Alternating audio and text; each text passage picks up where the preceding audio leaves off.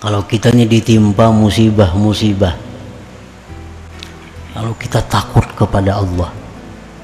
Takutnya kita kepada Allah. Karena Allah yang punya Al-Qahar, Al-Jabbar takut kita kepada Allah. Nah maka Allah pasti akan mengagungkan kita memuliakan kita dan menjaga kita. Fa Allah yunazzilu 'abdahu ala qadri manzilatihi minhu karena Allah itu menempatkan menempatkan hambanya atas kadar tempat Allah dari hamba itu. Jadi seberapa cinta Allah tuh kepada kita?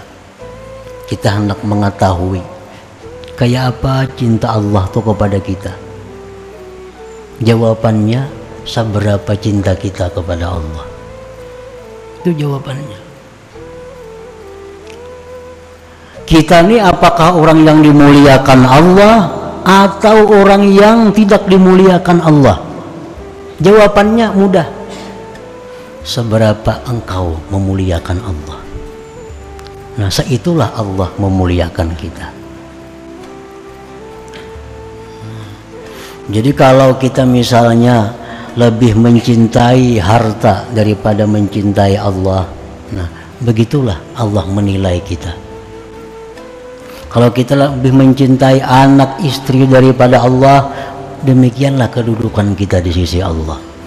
Nah, fa inna Allah yunazzilu 'abdahu ala qadri manzilatihi minhu. Allah itu menempatkan hambanya atas kadar tempat Allah dari hamba. Nah, kalau kita ini selalu Allah, orang yang paling kita cintai adalah Allah. Berarti Allah pun sangat cinta kepada kita. Kalau kita orang yang paling memelihara undang-undang Allah, Allah pun akan sangat memelihara apa-apa yang diberikannya kepada kita.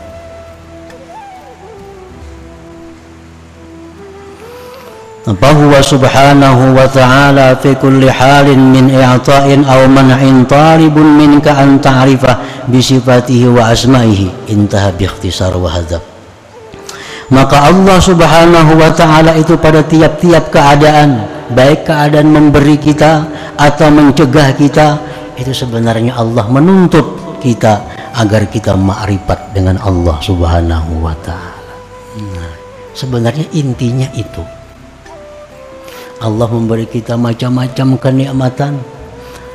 Hendaknya itu dijadikan alat untuk bisa ma'rifatullah.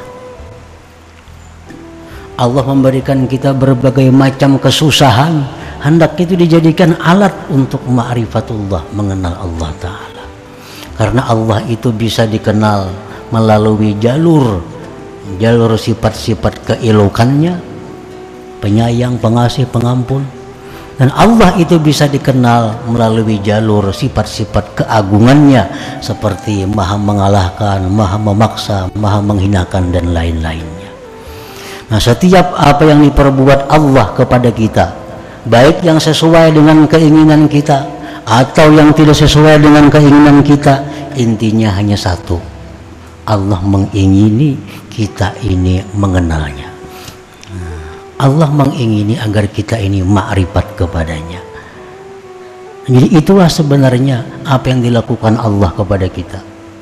Hanya satu yang Allah tuntut kepada kita agar kita makrifat dengannya.